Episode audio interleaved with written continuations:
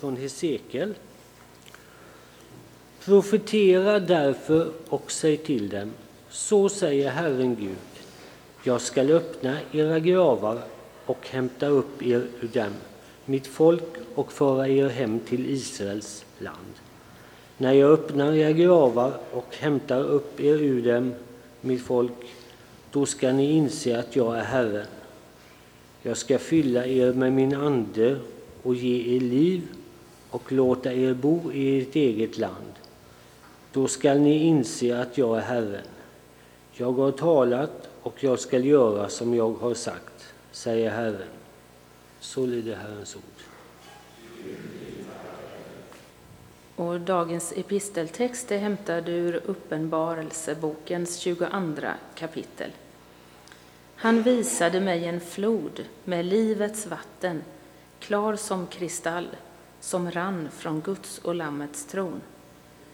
Mitt på den stora gatan, med floden på ömse sidor, stod livets träd, som bär frukt tolv gånger om året och ger sin skörd varje månad, och trädets blad är läkemedel för folken, och ingen förbannelse ska finnas mer. Guds och Lammets tron ska stå i staden, och hans tjänare ska tjäna honom. De ska se hans ansikte, och de ska bära hans namn på sin panna. Och det ska inte mer bli natt, och ingen behöver längre ljus från någon lampa eller solens ljus, ty Herren Gud ska lysa över dem, och de ska vara kungar i evigheters evighet. Så lyder Herrens ord. Gud, vi tackar dig. Öppna era hjärtan för Gud och hör dagens heliga evangelium. Så skriver Lukas. Jesus sa, jag säger till er som är mina vänner, låt er inte skrämmas av dem som kan döda kroppen, men sedan inte kan göra något mer. Jag ska tala om för er vem ni ska frukta. Frukta honom som kan döda och sedan har makt att kasta ner i helvetet. Ja, jag säger er, honom ska ni frukta. Säljs inte fem sparvar för två kopparslantar? Men ingen av dem är glömd av Gud.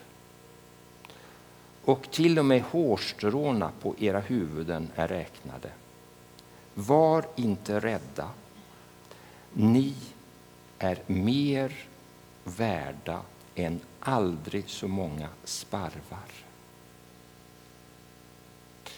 Så lyder det heliga evangeliet. Lovad vare du, Kristus. Varsågoda och sitt. Jag har tre saker att säga er. Det första, då vill jag ha någonting vitt på mig när jag säger det. Låt er inte skrämmas, frukta inte, frukta Gud. Låt er inte skrämmas, eller var inte rädda. I den gamla översättningen stod det frukta icke. Och här är den gamla översättningen mera ordagrann. I den gamla översättningen så finns det nämligen en poäng. Det står samma ord när det är den negativa fruktan, den som vi inte ska ha, och den positiva fruktan, vördnaden för Gud, som vi ska ha.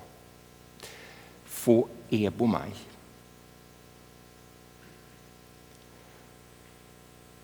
Det här blir lite förvirrande och därför är jag glad över de nya bibelöversättningarna där man kan variera det grekiska ordet foebomai.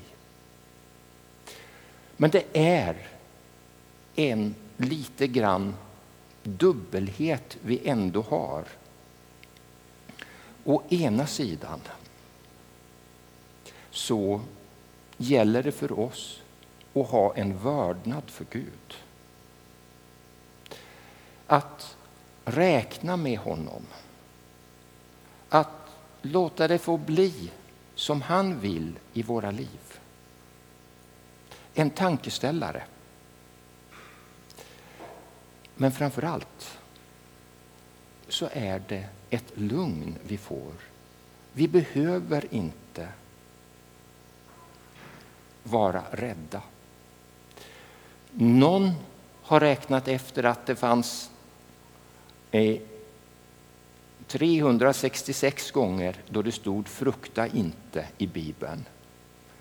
Jag ska tala om för er att jag har försökt räkna, jag har bara kommit upp i 124. Om det är någon som har räknat och kommit fram till fler gånger så får ni säga det till mig efteråt.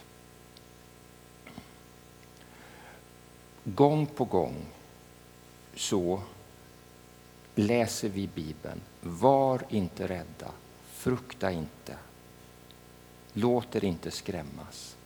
Två gånger i den här evangelietexten.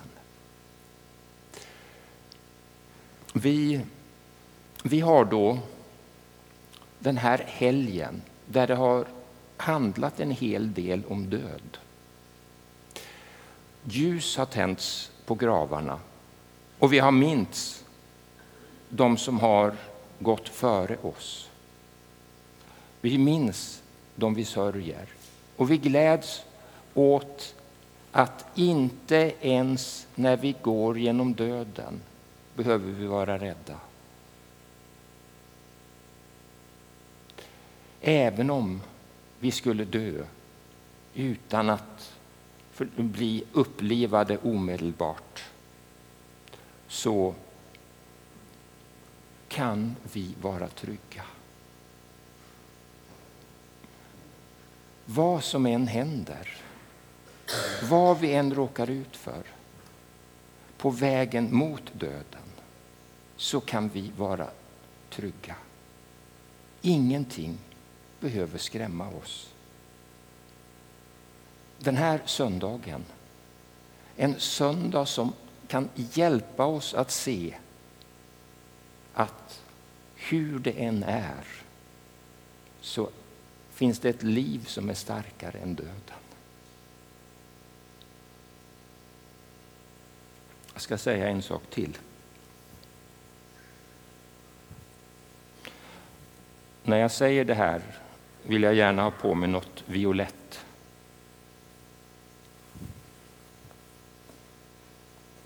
Jag ska ställa den här frågan till er.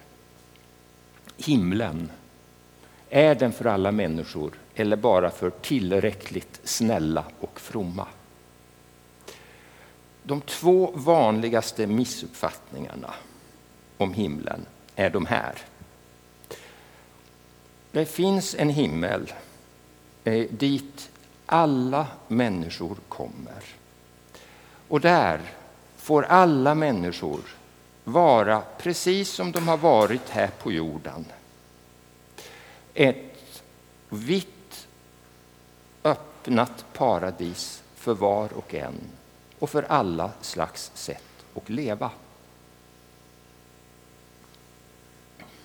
Det är en missuppfattning om himlen. Och en annan missuppfattning om himlen det är att det, det stämmer inte det här med att alla människor kommer till himlen. Utan de bästa, eh, de som har levt det bästa livet och de som har varit de frommaste, eliten, ja, de som i alla fall är på övre halvan, de kommer till himlen. Och också det är en grav missuppfattning. Efter de här missuppfattningarna så ska jag försöka tala om vad det är som gäller. Gud är en god och kärleksfull Gud som vill att alla människor ska bli räddade. Han har inte tänkt sig att någon enda människa ska gå under. Ingen enda människa ska hamna på den straffplats han har berett för djävulen som har gjort uppror mot honom. Han vill rädda var och en, oavsett vad det är för land man kommer ifrån. Om man kommer från Etiopien eller Eritrea. Eller om man kommer från Sverige. Eller om man kommer från Iran. Eller om man eh, kommer från Algeriet. Eller Tunisien. Eller Marocko. Eller Ryssland. Alla vill Gud rädda. Och därför har han sänt ner sin son Jesus Kristus. Eftersom ingen enda en av oss har levt på ett sådant sätt som gör att vi passar in i himlen. Skulle vi då råka ut för att möta eh, samma galningar som gör samma eh, ofog mot oss i himlen som på jorden så blir det inte särskilt mycket till himmel. Och därför så behövs en förvandling för att vi ska passa in i himlen.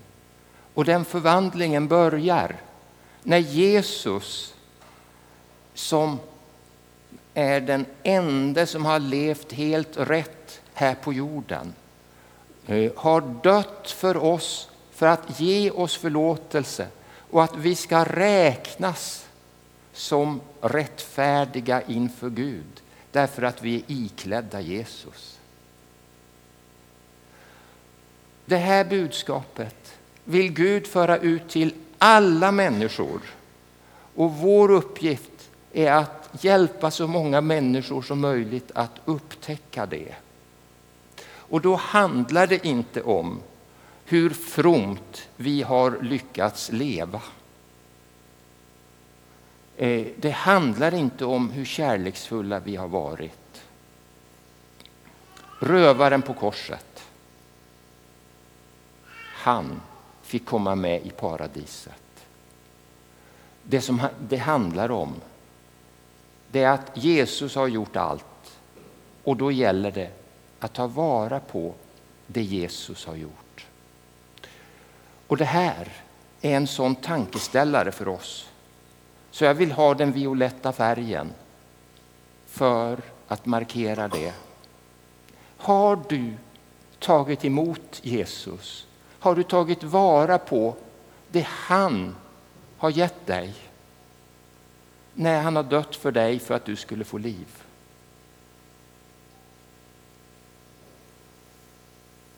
Har en sak till att säga.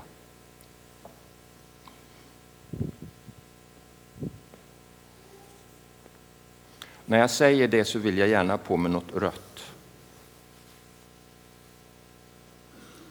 Tro på Gud så får du oro och ro. Ni kanske hade väntat er att jag bara skulle säga tro på Jesus så får du ro. Skulle jag säga det så skulle någon kunna säga till mig efteråt du lovade att jag skulle få ro. Nu har jag kommit till tro och följande har hänt. Jag har samma besvärliga boende som jag är på. Jag har samma jobbiga människor som jag umgås med. Nu har jag blivit kristen och de hånar mig för det. Och när jag läser i Bibeln så märker jag att det är massor av saker som jag ska göra som jag inte har orkat göra. Jag känner en skuld inför Gud. Eh, jag känner på något sätt att det finns en motståndare till det här med kristen tro. Och så går du och säger tro så ska du få ro. Jag tycker att det här stämmer inte. Den här ytliga tanken tro så ska du få ro. Om vi förmedlar den så blir det lätt så att det är några som kommer till oss och känner sig lurade därför vi har lovat något som inte stämmer. Det är bättre att tala om att vi, jag går livets väg. Där kan allting hända. Men jag kan vara trygg, för Gud är bakom mig och framför mig, över mig och under mig. Han omsluter mig på alla sidor.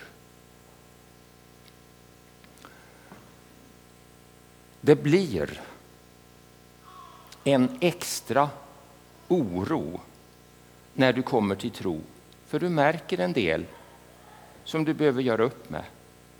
Det blir en extra oro därför att det blir helt klart viktigt att fler människor ska få del av den här underbara livsgemenskapen med Jesus som du har fått. Och därför, det är lite grann en tuff uppgift det här med att tro och dela med sig av den tron till andra. Ett tufft och inspirerande livsprojekt. Och när de flesta människor inte delar tron så blir det en kamp när vi möter motstånd. Därav den röda färgen. Men trots allt det så väger ron tyngre än oron.